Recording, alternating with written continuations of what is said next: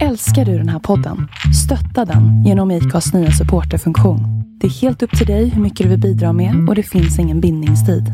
Klicka på länken i poddbeskrivningen för att visa din uppskattning och stötta podden.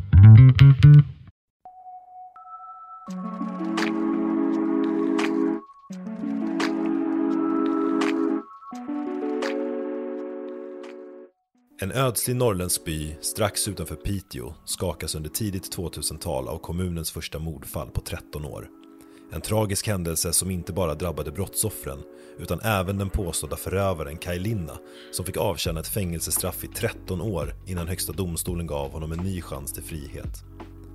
Karlamarksmordet som det kallats i media har kommit att bli ett av Sveriges mest kritiserade rättsfall och i det här avsnittet ska ni få veta varför. Du lyssnar på Folkets Domstol, en podcast där vi vill ge en inblick i hur rättssystemet och den juridiska tillämpningen ser ut i praktiken. Vi kommer djupdyka både i historier, karaktärer och händelseförlopp samtidigt som vi ger en juridisk analys och förklaring av rättsprocessen i avsnittets ämne. Bakom den juridiska analysen står Viktor Isero som bland annat har jobbat med brottmål på advokatbyrå och som bolagsjurist. Jag som leder er genom avsnittet heter Jimmy Palmborg.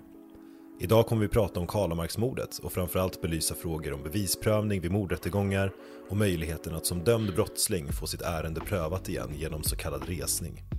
Om ni har frågor kring avsnittet eller tips på intressanta rättsfall eller juridiska frågor som ni vill att vi tar upp i podden uppmanar vi er att mejla oss på info folketsdomstol.se eller skriv till oss på vår Instagram, Folkets Domstol. Vi har utöver den numera välkända Kaj Linna valt att anonymisera övriga personer i berättelsen.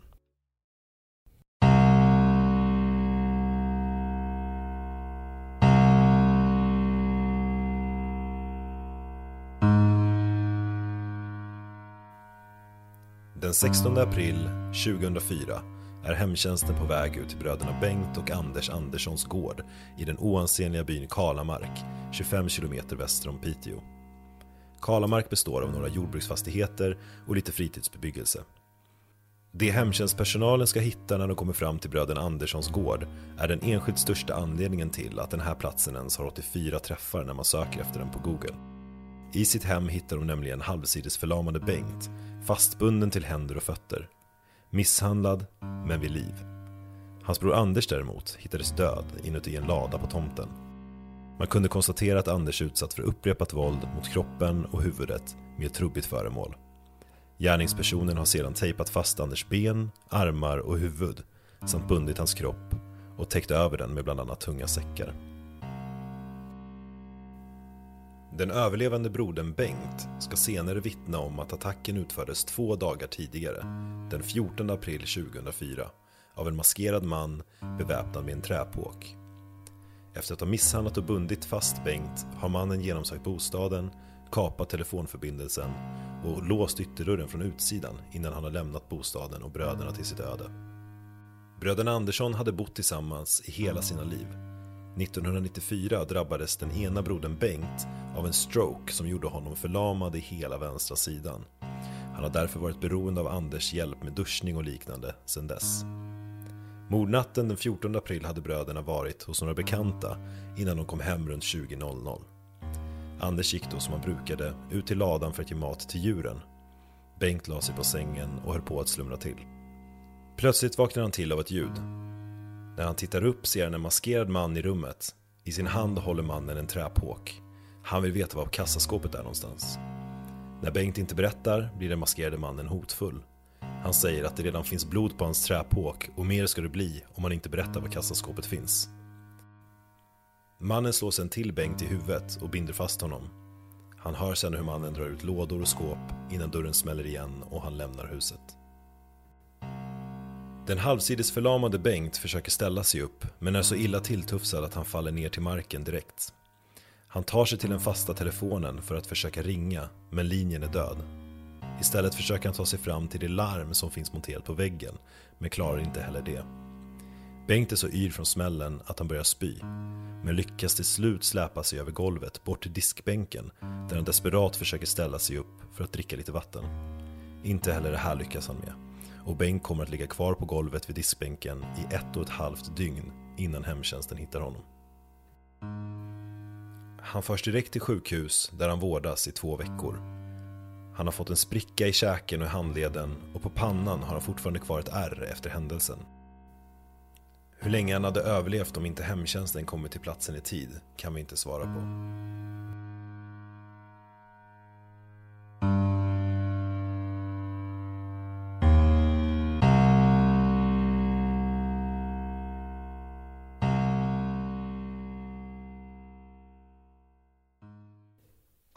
Har vi gått igenom själva mordtillfället. Är det någonting som du vill belysa så här långt, Viktor? Ja, de olika omständigheterna som är relevanta att ha koll på i det här läget är att det var två personer som hade blivit överfallna på två helt olika platser. Båda personerna hade blivit fastbundna med tejp. Det var en maskerad gärningsman som hade kapat en telefonledning och han visste att det fanns ett kassaskåp. Och sist men inte minst så hade han överfallit personerna med ett trubbigt föremål. Och för mig så tyder det här på att det var ett planerat rån, men inte ett mord. Förklara gärna hur du kommer fram till den slutsatsen och vad den får för betydelse för rättegången. Ja, men det avgörande är att det finns inget sedvanligt mordvapen. Det här är en träpåk som har använts för att slå ner de här bröderna och sen har de lämnats för att dö. Och det är inte riktigt ett vanligt sätt att, att ta livet av någon på. Så Därför blir min slutsats att det här är ett rån som sen har övergått i någonting annat. Och det som kan hända då är att man får titta på vad den här gärningsmannen har haft för uppsåt med att de här personerna, i det här fallet den ena personen har blivit dödad.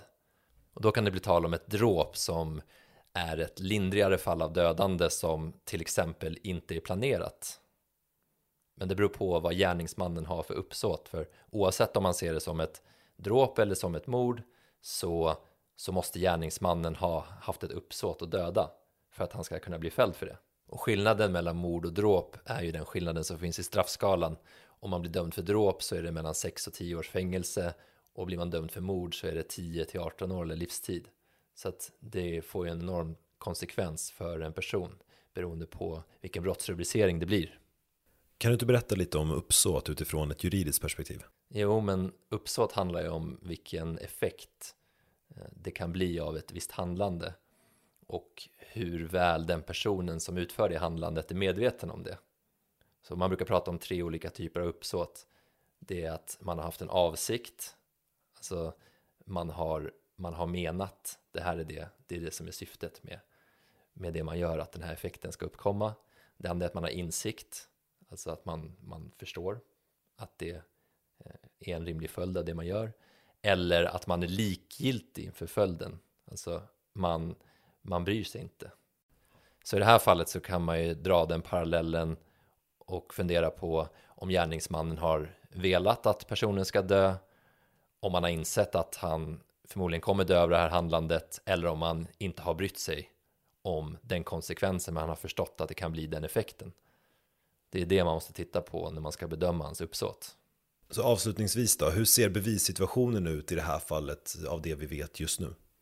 Vi vet ju inte vilka fynd som har gjorts på brottsplatsen, så den tekniska bevisningen kan vara lite svår att ta ställning till just nu. Däremot så vet vi att vi har en väldigt viktig pusselbit i hela utredningen och det är att vi har ett överlevande vittne på plats som har sett gärningsmannen och han har hört hans röst. Och det är en pusselbit som, som kan bli avgörande för att kunna lösa det här fallet. Så att det är en väldigt bra, ett bra utgångsläge för utredningen i det här skedet. Som vi nyss hört kommer alltså den överlevande brodern Bengts vittnesmål bli av yttersta vikt för uppklarandet av det här brottet. Så vad har han då att säga i sitt förhör?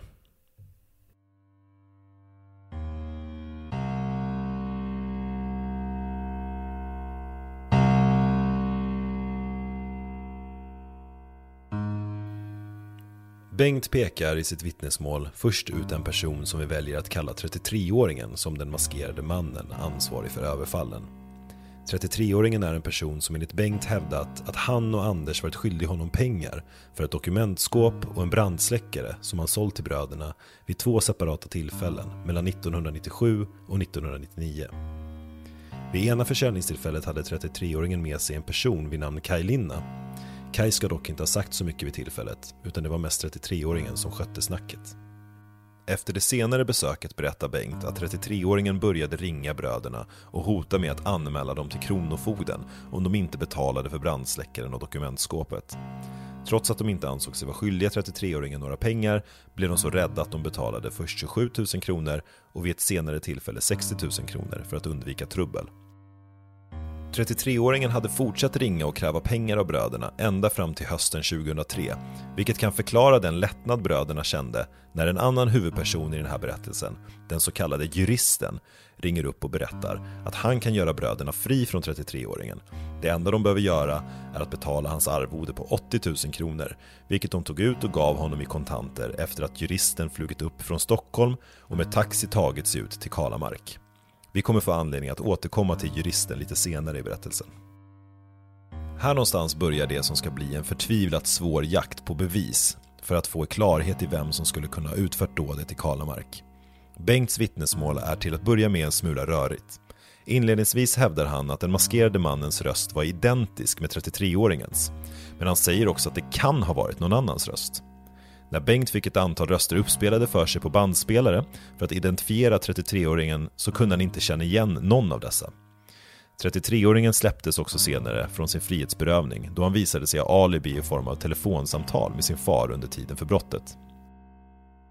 Vidare beskriver Bengt att den maskerade mannen inte hade någon dialekt utan pratade så kallad ren svenska. Han var lite över 1,75 lång och han hade smal eller normal kroppsbyggnad. Från början tyckte Bengt att kroppsbyggnaden liknade 33-åringens, men när han hörde att 33-åringen släppts på fri fot började han fundera på om det inte kunde vara någon annan som var lik honom ändå. Det är här Bengt börjar dra sig till minnes 33-åringens kollega Kaj Linna, som var med honom vid det här försäljningstillfället av dokumentskåpet. Var inte Kaj Linna också runt 1,75 och med en smal eller normal kroppsbyggnad?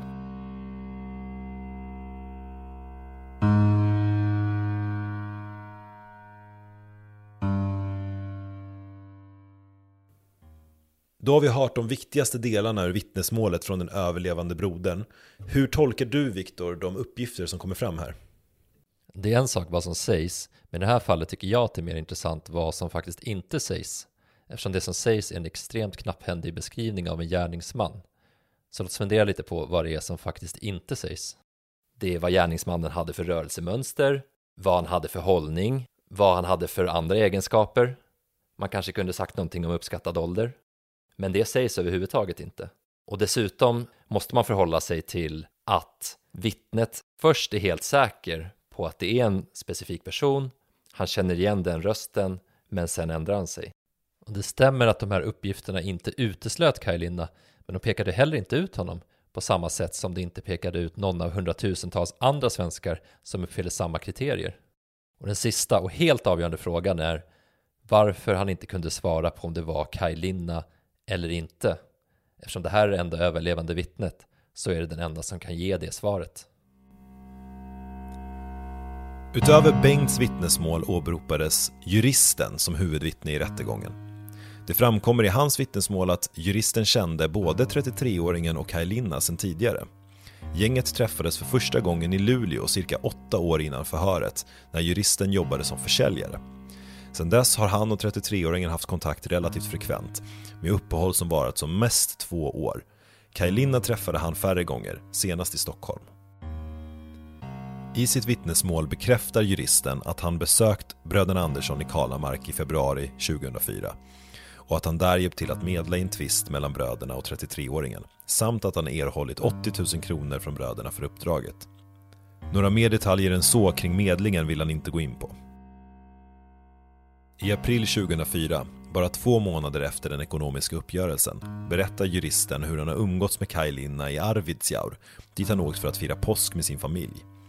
Kaj Linna bor vid den här tiden i södra Vistträsk i Älvsbyn, inte långt från Arvidsjaur, och jobbade enligt juristen med oljetransporter från Finland. Juristen ska ha erbjudit sig att försöka ordna ett jobb till Kaj Linna i Stockholm, varpå Kaj skulle kunna låna juristens övernattningslägenhet där. Det verkar vid det här tillfället råda vänskaplig stämning mellan de båda tills några dagar senare, den 13 april, då juristen och hans far åker för att träffa Kaj Linna på busstationen i Älvsbyn för att reda ut lite frågor kring en stöt som Kaj ska ha berättat om på skärtorsdagen. Det här tillfället ska senare komma att benämnas som avvärjningsresan och vara av stort intresse för domen. Kai har i sitt vittnesmål nekat till att han har deltagit i den så kallade avvärjningsresan den 13 april. Han erkänner att han har träffat juristen och hans pappa vid OK-macken i Älvsbyn en kort stund innan de åkte åt varsitt håll. Det var enligt Kai juristen som hade ringt dagen innan och velat träffa honom. Hans uppfattning var att både juristen och fadern var drogpåverkade vid tillfället. På Kaj beskrivning av stöten menar juristen i sitt vittnesmål att han förstod att stöten skulle ske hos bröderna Andersson och Kaj ska ha sagt att han haft planer att genomföra den ända sedan han sålde ett kassaskåp till bröderna flera år tidigare. Kaj ska vidare ha beskrivit en tänkbar plan för stöten som gick ut på att locka ut bröderna till ladan genom att göra en höna illa så att den skulle börja föra oväsen. För att sen använda ett fångsnät från en lucka i taket. Juristens syfte med att träffa Kaj den här dagen ska ha varit att avbryta brottet han förstod nämligen att anklagelserna skulle riktas mot honom själv och 33-åringen om det hände bröderna något eftersom de två nyligen gjort affärer med bröderna Andersson. Juristen visste inte om Kai hade några andra ärenden den här dagen än att träffa honom men han vittnar om att Kai hade med sig böcker och stora lådor med block i bilen. Det här visste han eftersom de delade bil från Älvsbyn upp till Piteå den här dagen. En bil som Kaj Linna lånat av en vän som vi kommer att kalla Elin. Juristens pappa följde också med upp till Piteå, men han körde ensam i sin egen bil då det var mycket lastad och det bara fanns plats för en person.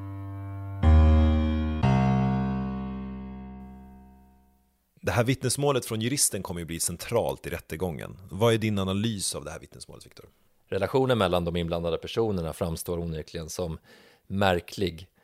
Först och främst så hade bröderna betalat 90 000 kronor till 33-åringen vid ett senare tillfälle hade juristen dykt upp och erbjudit sig att lösa konflikten med 33-åringen mot ett arvode om 80 000 kronor. Och senare framkom det i juristens egna vittnesmål att han hade delat de här pengarna med 33-åringen. Enligt min uppfattning så framstår det inte som att bröderna gick vinnande ur den här uppgörelsen.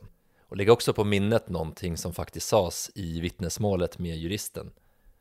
Det var att om det hände bröderna något så skulle misstankarna genast riktas mot honom och 33-åringen då de gjort affärer med bröderna. Det hör väl inte till vanligheten att bara för att man har gjort affärer med någon så ska misstankar genast riktas mot en själv. Så här anser jag att man måste dra öronen åt sig vad gäller hans fortsatta uppgifter i det här målet. Och det är framförallt viktigt för att det är en helt avgörande frågan i målet var vilken tilltro som kunde sättas till hans berättelse. Och de här uppgifterna borde ha skrikit röd flagg för samtliga inblandade. Men istället så blir juristen det huvudvittne som kan ge avgörande stöd att fälla Kaj Linna. Vi har nu hört de två vittnesmålen som utgör åklagarens tyngsta pusselbitar i att hitta den gärningsperson som begått brottet i Kalamark. De har båda, om än efter vissa omvägar, pekat mot Kaj Linna.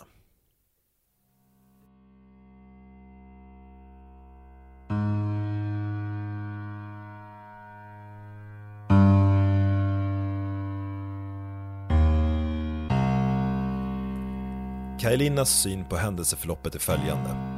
Han hyrde vid tillfället runt påsk 2004 bostad i Södra Visträsk av sin vän Elin.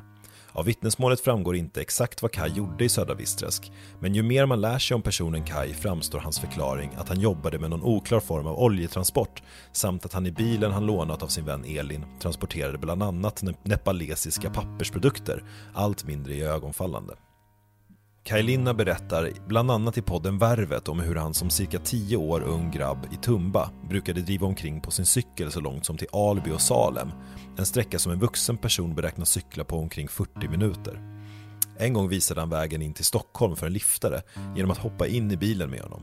Väl framme i huvudstaden insåg han att han inte visste hur han skulle komma hem, varpå han lyckades tigga till sig lite mat på olika ställen och en sovplats inne på en soffa på Grand Hotel innan polisen kom och hämtade honom någon dag senare. Istället för oro eller ilska ska pappan när Kai kommit hem snarare ha re reagerat med beundran och utmanat Kais bröder att lyckas med samma konststycke som deras bror, om de kunde.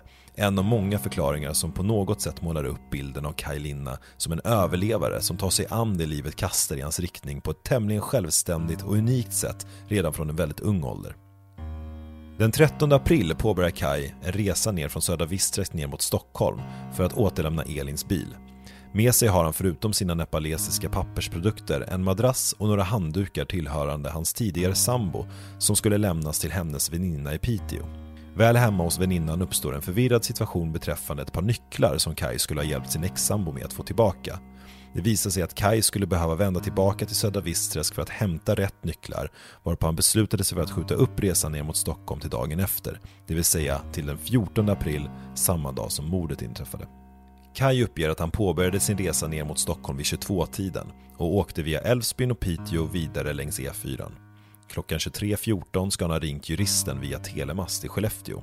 Det är dock inget Kai har något minne utav.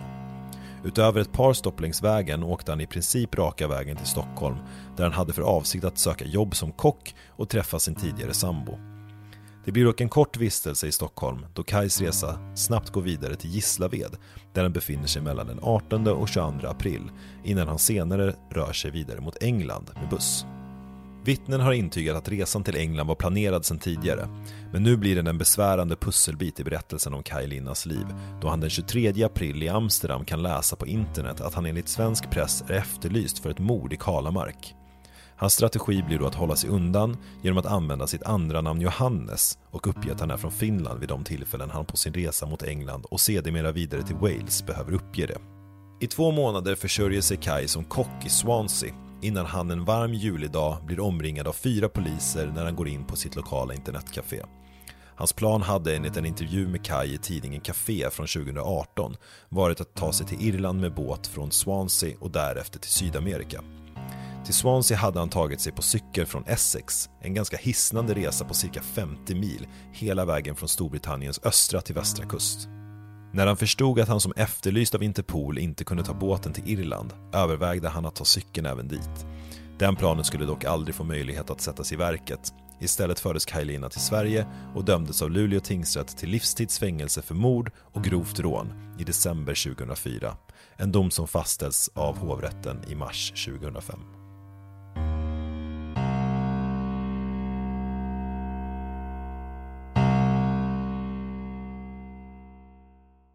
Innan vi går in på hur domstolarna resonerade, finns det någonting som du skulle vilja lyfta upp nu när vi har alla vittnesmål och hela berättelsen på bordet?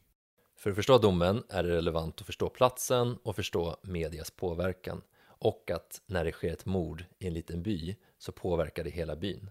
Dessutom så presenterade Norrbottenspolisen statistik något senare. Det visade sig att de var näst bäst i landet på att klara upp de brott som hade anmälts och de hade också den tredje lägsta brottsligheten i hela landet. Och det mordet som hade skett, det var det första mordet på 13 år i Piteå kommun. Det sker sällan grova brott här och de som sker, de klarar sig i regel upp. Så därför så var det inte konstigt att Piteå-tidningen skrev att det här var ett dråpslag mot bygden och man beskrev Kalamark som en krossad idyll och att det ofattbara som hade hänt det ledde till att tryggheten togs ifrån invånarna. Brottsoffren, de beskrevs som välkända profiler de kallades Karlamarksbröderna, medan Kaj Linna målades upp som en känslokall, empatilös, farlig man som inte kom från orten och mordet beskrevs som hänsynslöst. Så det var ett tydligt vi och dom perspektiv. Det var å ena sidan de goda bröderna, å andra sidan ett monster som gick till hänsynslös attack. Och då blir det en prövning i media, det blir en prövning bland invånarna där man döms på förhand utan rättssäkerhet. Och konsekvensen, det blir en enorm press på att någon måste dömas för brottet i domstolen. Det blir fokus på att hitta en gärningsman. Men det viktiga är att hitta rätt gärningsman.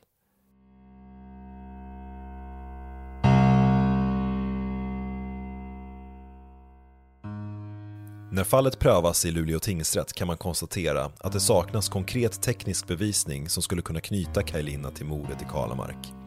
Det enda rätten har att gå på är ett telefonsamtal mellan Kaj och juristen på mordnatten i övrigt handlar mycket om att bedöma trovärdigheten i huvudvittnet juristens vittnesmål.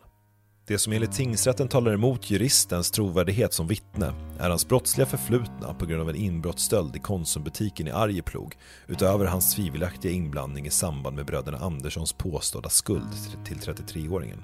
Det som talar för juristens vittnesmål är att det får stöd från juristens pappas vittnesmål samt telefonsamtalet med Kaj Linna som registrerats av en telemast på mordkvällen.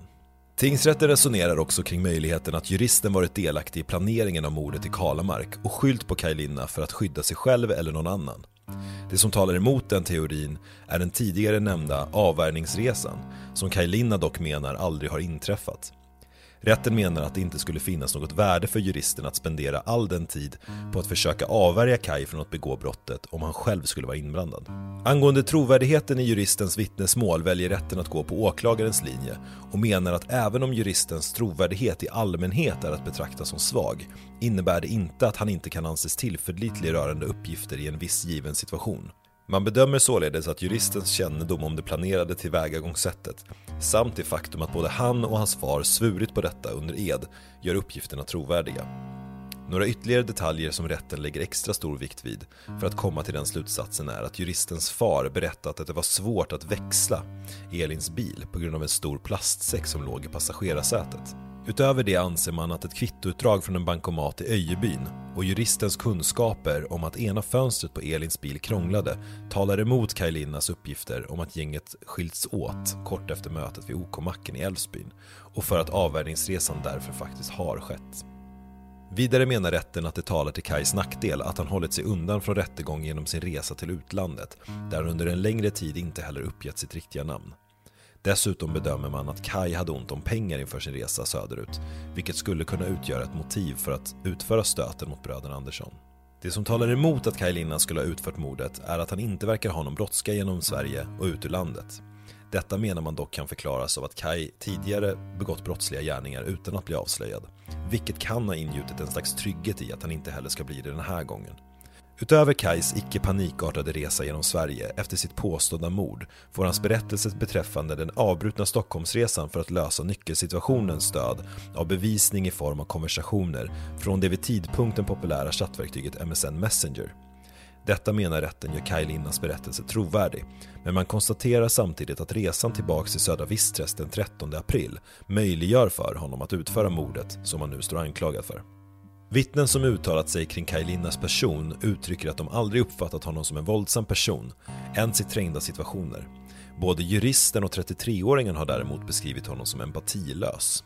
Slutligen resonerar rätten kring huruvida det rent tidsmässigt har varit möjligt för Kaj Linna att utföra dådet. Det är klarlagt att han avslutat ett telefonsamtal med Elin i södra Visträsk klockan 18.12 på dagen för mordet. Polisen har uppmätt att det tar 65 minuter från bostaden till Kalahättens parkeringsplats där ett vittne påstår sig ha sett en bil som enligt rättens teori är den Kaj Linna använt sig av. Resan skulle kunna ha gått ännu snabbare för Kaj som erkänt att han inte har för vana att följa hastighetsbegränsningar.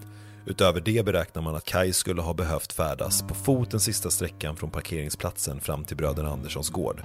Något som enligt en kriminaltekniker ska ha tagit cirka 28 minuter inräknat den tid det skulle ta att hämta träregeln med vilken gärningsmannen sedermera utfört dådet. Det innebär att Kaj Linna teoretiskt sett kan ha befunnit sig på gården omkring 1940. En tidpunkt då ett ögonvittne iakttagit en person i blå arbetsbyxor ta sig in genom en glugg i brödernas laggårdsvägg.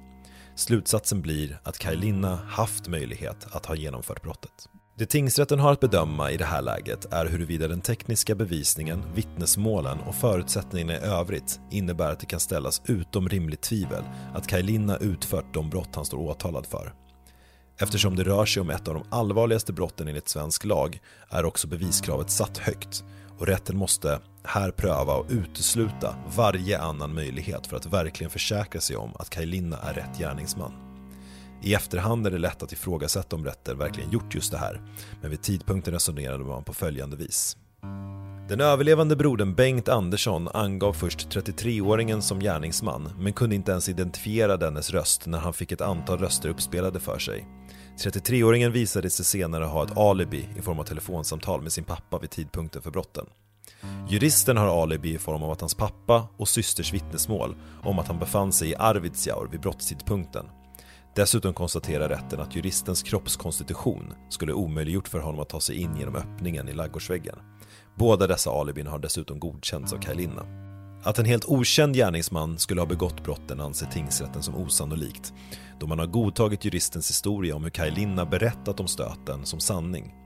Därmed konstaterar man att risken för att en okänd person skulle ha utfört ett brott så likt den stöt Kaj Linna ska ha planerat är att anse som oerhört låg. Däremot finns det en viktig fråga som talar till Kaj Linnas fördel här och det är att den bil som av vittnen iakttagits på Karlahattens parkeringsplats vid tidpunkten för brottet var vit medan den Kaj Linna lånat av Elin var röd. Dessutom har det inte funnits någon form av teknisk bevisning i form av DNA-spår från bröderna Andersson i Elins bil. Det här hävdar dock rätten kan bero på både det ena och det andra. Kaj kan ha använt sig av en annan bil, vittnets minne om att bilen var vit kan vara felaktigt eller så kan bilen ha tillhört någon annan som inte var inblandad i brottet.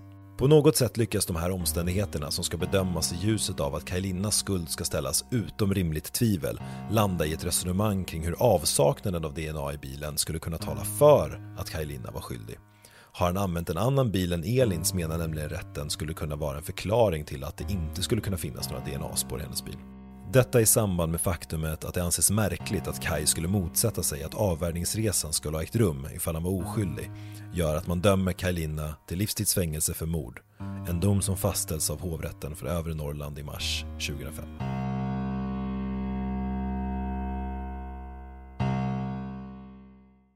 Ja, nu har vi gått igenom den juridiska processen och kommit fram till Kaj Linnas dom. Finns det någonting som du skulle vilja trycka på i rättens resonemang här? Karolina dömdes utan någon teknisk bevisning, utan ett enda vittne som hade sett händelsen. Och det borde inte varit möjligt. Det finns en oskuldspresumtion som säger att man är oskyldig till dess motsatsen har bevisats. Och i detta fall så var det tvärtom. Karolina skulle behöva bevisa att någonting inte hade hänt. Och det kan vara möjligt i vissa fall att bevisa att någonting inte har hänt genom ett alibi, men det spelar ingen roll om det är möjligt, för det behövs inte. Det är direkt fel. Det är alltid åklagaren som ska bevisa att den tilltalade är skyldig. Och i det här fallet så får jag känslan av att tingsrätten plockar russinen ur kakan ur huvudvittnets vittnesmål. De omständigheter som talade emot Kaj Linna som gärningsman valde man att bortse ifrån. Och när det inte finns något som placerar den tilltalade på platsen i form av teknisk bevisning eller något vittne så är det naturliga skäl så att det kan finnas alternativa gärningsmän och det måste utredas.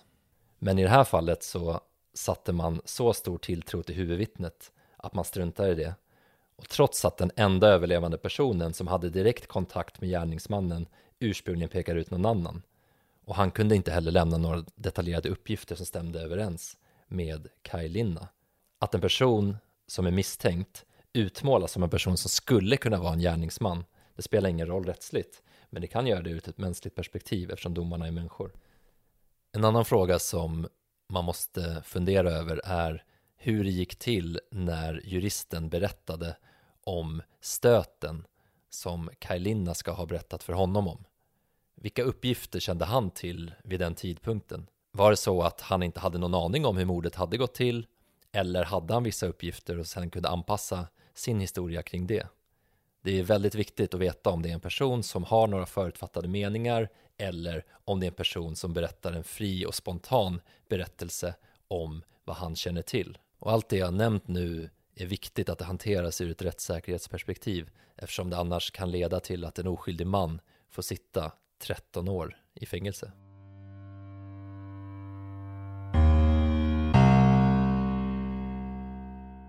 Under sitt fängelsestraff begär Kajlina resning vid två tillfällen utan framgång. Den första gången efter att journalisten Stefan Lisinski på DN i december 2006 börjar gräva i ärendet och skriver flera artiklar som visar på att Kajlina kan ha dömts på felaktiga grunder. Den andra gången var 2010 och även om han inte beviljades resning då heller så fick han stöd från två av fem justitieråd i Högsta domstolen som ansåg att ärendet skulle prövas på nytt. Först efter ett tredje försök beviljades Kajlina resning i december 2016 detta efter att ny bevisning framkommit i podden Spår som släpptes i maj 2015. Bevisningen som bifogades med resningsansökan utgjordes av inspelningar med huvudvittnet Juristen som på en rad punkter avviker från det vittnesmål han lämnade under ed i rättegången mot Kaj Linna.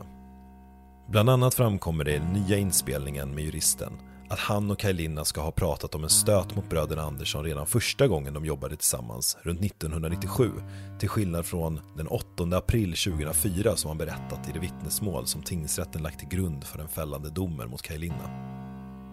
Det framkommer här också att juristens tidigare uppgifter om att han skulle ha rest till Piteå den 30 april 2004 för att provköra en bil och genomföra den så kallade avvärjningsresan inte riktigt stämmer överens med sanningen då han nu berättar att ett av huvudskälen till resan istället var att köpa narkotika. Detta styrker Kaj Linnas uppgifter om att juristen och hans pappa verkade påverkade när han mötte dem i OK-macken i Älvsbyn den 13 april. I de nya inspelningarna framkommer slutligen nya uppgifter beträffande hur många gånger juristen varit hos bröderna Andersson. I det ursprungliga vittnesmålet ska han ha besökt bröderna vid ett tillfälle för att ta emot 80 000 kronor. Nu menar han att han även besökte bröderna en ytterligare gång för att ta emot en summa på 60 000 kronor.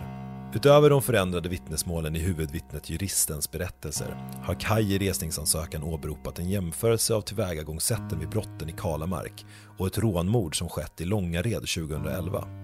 Som tillägg till jämförelsen åberopades också ett utlåtande från en sakkunnig angående beteendekonsistensen mellan de två rånmorden i Långared och Kalamark som visar att tillvägagångssätten vid de båda rättsfallen varit så pass identiska att det i princip är statistiskt omöjligt att de ska kunna utförts av olika gärningspersoner. Enligt den sakkunnige innebär de här liknande omständigheterna att sannolikheten att de två brotten begåtts av olika gärningsmän var mindre än 1%.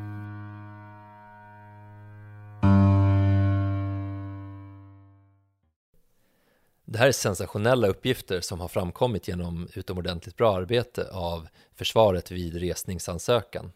Eftersom att mordet i Kalamark och mordet i Långared sannolikt utfördes av samma person så leder det till slutsatsen att Kaj Linna kan absolut inte ha utfört mordet 2011 eftersom då satt han bakom lås och bom. Om analysen stämmer, om vi tar det för sanning, så kan han inte heller ha utfört mordet i Kalamark. Och risken med att döma fel person är alltså inte bara att sätta en oskyldig man i fängelse. Det är också att låta en mördare gå fri som kan mörda igen.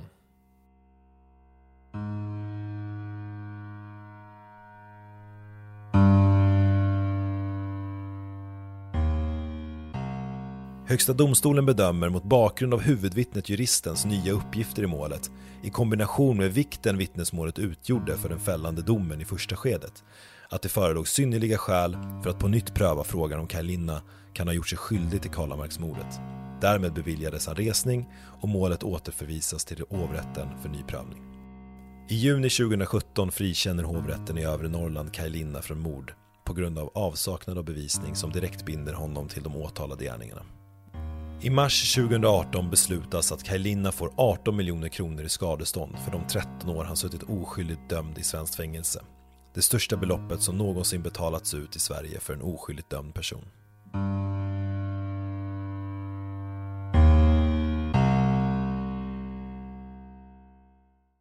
Kaj Linna går alltså igenom hela rättsapparaten, döms som skyldig, sitter 13 år i fängelse, frias sen efter att ha begärt resning inte mindre än tre gånger. Kan inte du berätta lite om resningsförfarandet med fokus på just det här fallet? Anledningen till att det finns ett resningsinstitut är på grund av odubblighetsprincipen och den innebär att en lagakraftvunnen dom är slutgiltig. Alltså man ska alltså kunna lita på att domen gäller. Det är en trygghetsfråga för alla inblandade parter. Men man ska också komma ihåg att en dom från tingsrätten kan ändras i hovrätten och sen återigen i högsta domstolen om man kommer dit. Och många gånger prövas exakt samma sak utan ny bevisning. Det är bara en annan värdering. Så i det här fallet till exempel kunde domen ha rättats från tingsrätten till hovrätten med fler juristdomare. Men om det är så att det framkommer något nytt efter att man har fått en lagakraftvunnen dom som visar på att den domen är, domen är felaktig, då måste det gå att ändra. Och för att samhället ska ha förtroende för domstolarna är det viktigt att man uppfattar det som att domar är materiellt riktiga eller något förenklat sanna. Men det är en väldigt liten del av alla ansökning om resning som kommer in till Högsta domstolen som beviljas. Och det finns ju skäl till det. Några är att det skulle vara för belastande för domstolar att pröva saker om och om igen. Det finns också ekonomiska, eh, praktiska begränsningar. Om man tar upp en sak på nytt efter lång tid så kommer det sannolikt inverka negativt på bevisningen, bland annat genom att vittnen glömmer bort och så vidare. Så det finns många praktiska problem med bevisning som är svåra att bortse ifrån, men om en dom är felaktig så är det klart att den ska kunna ändras. Det handlar om människoliv. Vad tycker du om systemet kring resning? Är det bra som det är eller finns det någonting som du tycker man kan förändra eller förbättra? Jag tycker att det finns utrymme för förbättringar och jag tycker att man kan titta lite på hur andra länder har gjort. Jag vet till exempel att Kaj Lind har varit engagerad i att inrätta ett oberoende resningsinstitut i Sverige och han har också fått medhåll av Stefan Lindskog som var ordförande i Högsta domstolen. Till exempel så finns det ett sådant institut i Norge som bara prövar resningsansökningar. Men i Sverige så är det samma domare som prövar mål om resning som prövar vanliga mål. Det är inga experter på just resning. Jag tycker att när det kommer till något så viktigt som att avgöra om en dom är felaktig eller inte krävs det expertkompetens. Det är så att felaktiga domar inte ska accepteras i, i en rättsstat och vi vet att det har förekommit i flera väldigt kända fall. Förutom Kaj Linna, bland annat Joy Raman, Esa Tettinen och det kanske kändaste Thomas Quick. I de allra flesta fall så har de fått sin dom rättad efter att grävande journalister har granskat fallet. Och det finns sannolikt många fler fall där den oskyldige inte har fått någon draghjälp av en grävande journalist. Så ett eh, resningsinstitut med möjlighet att tillsätta egna utredningar är definitivt en bra idé. Vad krävs det för att få resning i Sverige då? Det som krävs är att det finns någon ny omständighet eller nytt bevis som man kan lägga fram till sin fördel. Så det går alltså inte att få resning bara för att man tycker att man ska få en ny prövning utan det måste finnas något nytt som har kommit fram.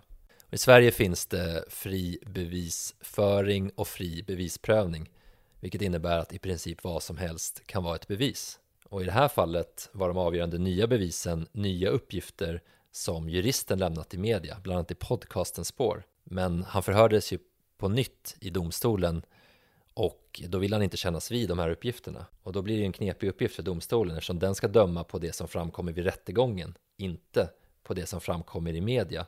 Och uppgifter som lämnas utanför rätten måste beaktas med försiktighet. Och framförallt om det görs i ett eh, underhållningssyfte eftersom man inte vet vad personen har för skäl att ändra sina uppgifter. Det går inte att ställa följdfrågor, man vet inte med säkerhet hur frågorna ställts Kontexten är helt enkelt oklar. Så därför är det inte givet att ändrade uppgifter i media kommer leda till en annan slutsats om inte personen också ändrar sina uppgifter under rättegången. Berättelsen om Kaj Linna är inte bara speciell för att det är en av få svenska domar där någon beviljats resning och erhållit skadestånd, eller ens för att det är ett rekordstort skadestånd. Utöver de juridiska lärdomarna man kan dra av rättsfallet är det en rakt igenom unik berättelse fylld med ögonfallande karaktärer och speciella händelser som nog mer sannolikt skulle kunna vara hämtade ur en roman än ur verkligheten. Kaj personlighet är säregen från barnsben och framåt. Hans mångsidighet, entreprenörsanda och förmåga att hantera vilken tuff situation livet än kastar i hans knä är svår att inte beundra. Han framstår i intervjuer och uttalanden som en fri själ som inte räds utmaningar. Han har aldrig problem att skaffa pengar, oavsett om det handlat om att jobba inom mer traditionella yrken som försäljare eller kock, eller lite mer i en eh, juridisk gråzon. Förutom försäljare av kassaskåp och hans affärer med oljetransporter jobbade Kai mycket som kock och ett tag utvecklade han också ett nätverk av återförsäljare i någon form av MLM-företag som fungerar lite som en pyramidstruktur utan att vara ett pyramidspel som han uttrycker det i sin Värvet-intervju. Han har själv erkänt att han inte alltid varit Guds bästa barn. Han har varit med i kriminella ungdomsgäng, krossat kvinnors hjärtan och inte dragit sig från att leva sitt liv efter sitt eget regelverk snarare än samhällets. Men han har också genomgått en 13 år lång fängelsevistelse och kommit ut på andra sidan med en sällan skådad levnadsglädje. Idag driver han enligt uppgift en bed and breakfast på ön Helierro i närheten av Gran Canaria. En ö han bestämt sig för att flytta till efter att ha sett tv-programmet Framtidens öar han har ett projekt som går ut på att bygga upp en skorpionfarm. Och tydligen krävs det cirka 15 000 skorpioner för att utvinna en deciliter gift från skorpionerna. Som man sen kan sälja till olika läkemedelsföretag. Och så vitt vi vet så ska Kai i alla fall börja med att se om han kan hålla två stycken vid liv. Skulle det inte funka med skorpionfarmen är ju inte heller det hela världen. Utan eh, när SVT intervjuar honom om det så säger han att det är bara en av många tänkbara scenarion på vad han vill hitta på med sitt liv. Och avslutar intervjun med att konstatera att han är en man med många idéer.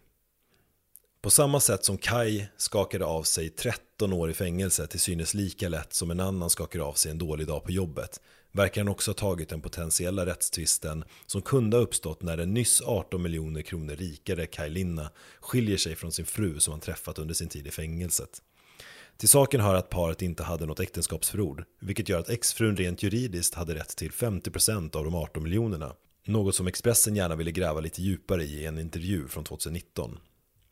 Det hade de inte så mycket för då Kai väldigt enkelt svarade att allt mitt är mitt och att bodelningen var världens enklaste. Den tog en sekund. Vi får nog tillfälle att återkomma till liknande situationer i den här podden där bodelningar varken varit superenkla eller tagit en sekund. Slutligen måste det också nämnas det inspirerande i att höra Kai berätta om sitt bokprojekt om den tidsresande hockeyspelaren Peter Elk. Passionen och glöden i Kai Linnas röst när han får prata om projektet går inte att återskapa i ord. Istället tänkte vi att vi spelar upp ett klipp från när han fritt gavs möjligheten att göra just det i podden Värvet där han intervjuats av Kristoffer Triumf. Du har skrivit en bok. eh, Men Vi håller på att skriva en till. Ja, precis. Berätta om den. Ja, det är en bok som kommer ut i fem böcker faktiskt. Så det är en, en riktig långkörare. Eh, Genren blir science fiction. Okej. Det vill säga gränslandet mellan eh, vad som är vetenskapligt möjligt. Och eh, lite grann Jules Verne och hur det var och Star Trek, hur det är. Va? Så att vi förhåller oss lite grann där. Det är möjligt, det är vetenskapligt möjligt. Det är inte drakar och häxor och sådana här saker som i Game of Thrones till exempel. va. Så det är det som är genren och eh, det är i en central figur som eh, en ung pojke. Han växer ju upp under, under resans gång. Man är väl 15-årsåldern när det börjar. Och han har en eh, väldigt eh, unik gen som eh, kanske en handfull människor eh, genom hela mänsklighetens historia har haft den här genen. Man kan säga alla kanske har den, men hans är väldigt väl utvecklad. Vilket gör att när han eh, bestrålas, vi bestrålas ju alla jämt och ständigt av eh, små partiklar som går rakt igenom våran kropp utan att vi ens märker det. Miljarder partiklar som går rakt igenom kropp nu när vi sitter här. Men eh, då finns det en viss sorts partiklar som kallas för tachyoner. Och tachyoner, de har ju den eh, egenskapen att de eh, färdas snabbare än ljuset. Och eh, någonting som färdas snabbare än ljuset färdas ju snabbare än tiden. Det vill säga de färdas in i framtiden.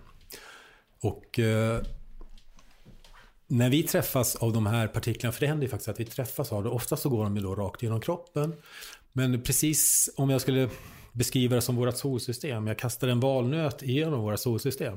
Så det är väldigt liten risk att den träffar Jupiter eller Mars eller solen på vägen. Utan det är nog snarare troligt att den bara går rakt igenom. Precis som de här små partiklarna gör med våra atomer. Kolatomerna som vi är uppbyggda av.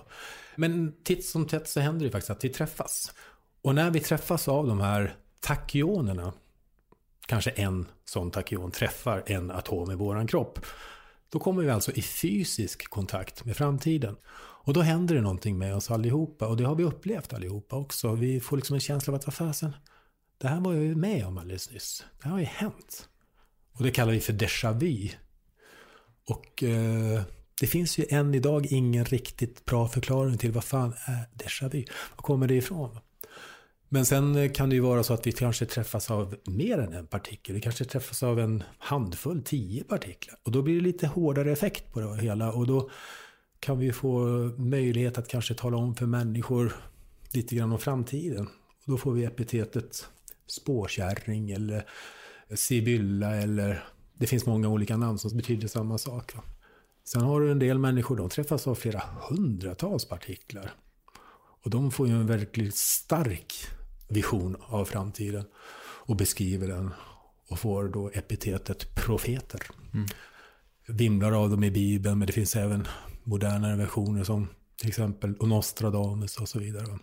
Peter Elk han har ju den här genen så det gör ju det att när han träffas så träffas han konkret. Hela hans kropp träffas av de här tachyonerna.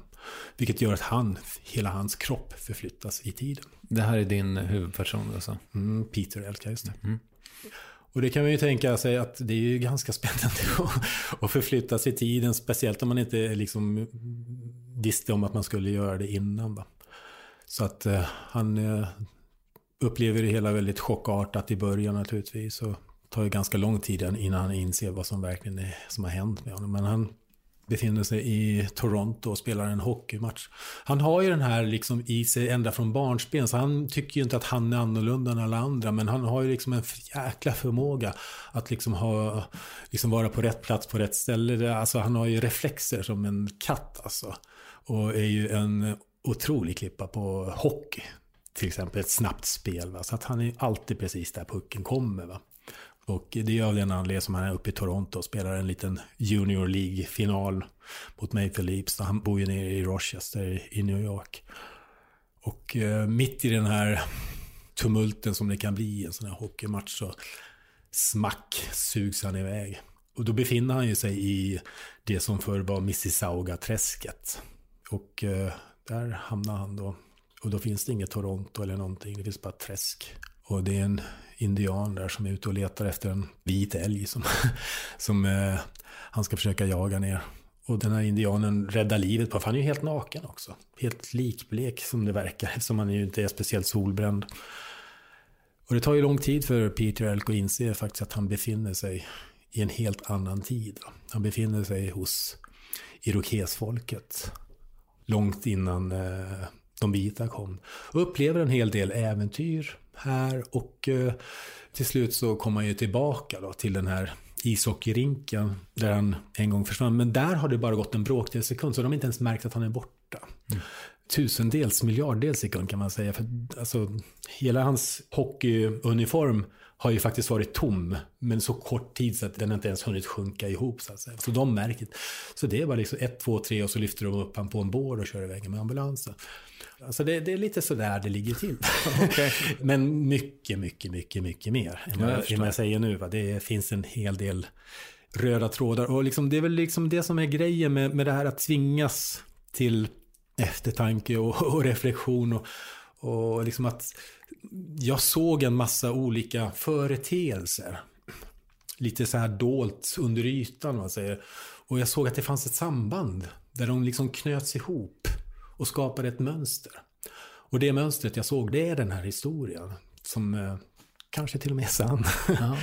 eh, när det gäller just science fiction så är det ju det kanske till och med är sant. Kanske till och med möjligt. Ja. Kommer ihåg när vi såg de här första Star Trek. Vi tyckte det var så fascinerande att gå fram till dörrarna och de öppnas automatiskt på 70-talet. Mm. Och så är det ju. Mm. Ja. Du har lyssnat på Folkets Domstol. Podden görs av två jurister med målet att sprida vår kunskap och erfarenhet från juristprogrammet och arbetslivet till så många som möjligt. På så sätt hoppas vi kunna uppnå en mer sansad debatt baserat på kunskap istället för känsloargument, vilket i sin tur borde leda till ett mer rättssäkert samhälle för oss alla. På vår Instagram och Facebook-sida kommer vi löpande lägga ut innehåll som berör ämnen vi pratar om i podden eller annan juridisk allmänbildning. Du hittar oss under namnet Folkets Domstol. Där finns det också möjlighet att diskutera och ta kontakt med oss om det är något ni önskar få förklarat eller som vi vill att vi tar upp i framtiden. Länkar till källor hittar ni i poddbeskrivningen. Tack för att ni har lyssnat.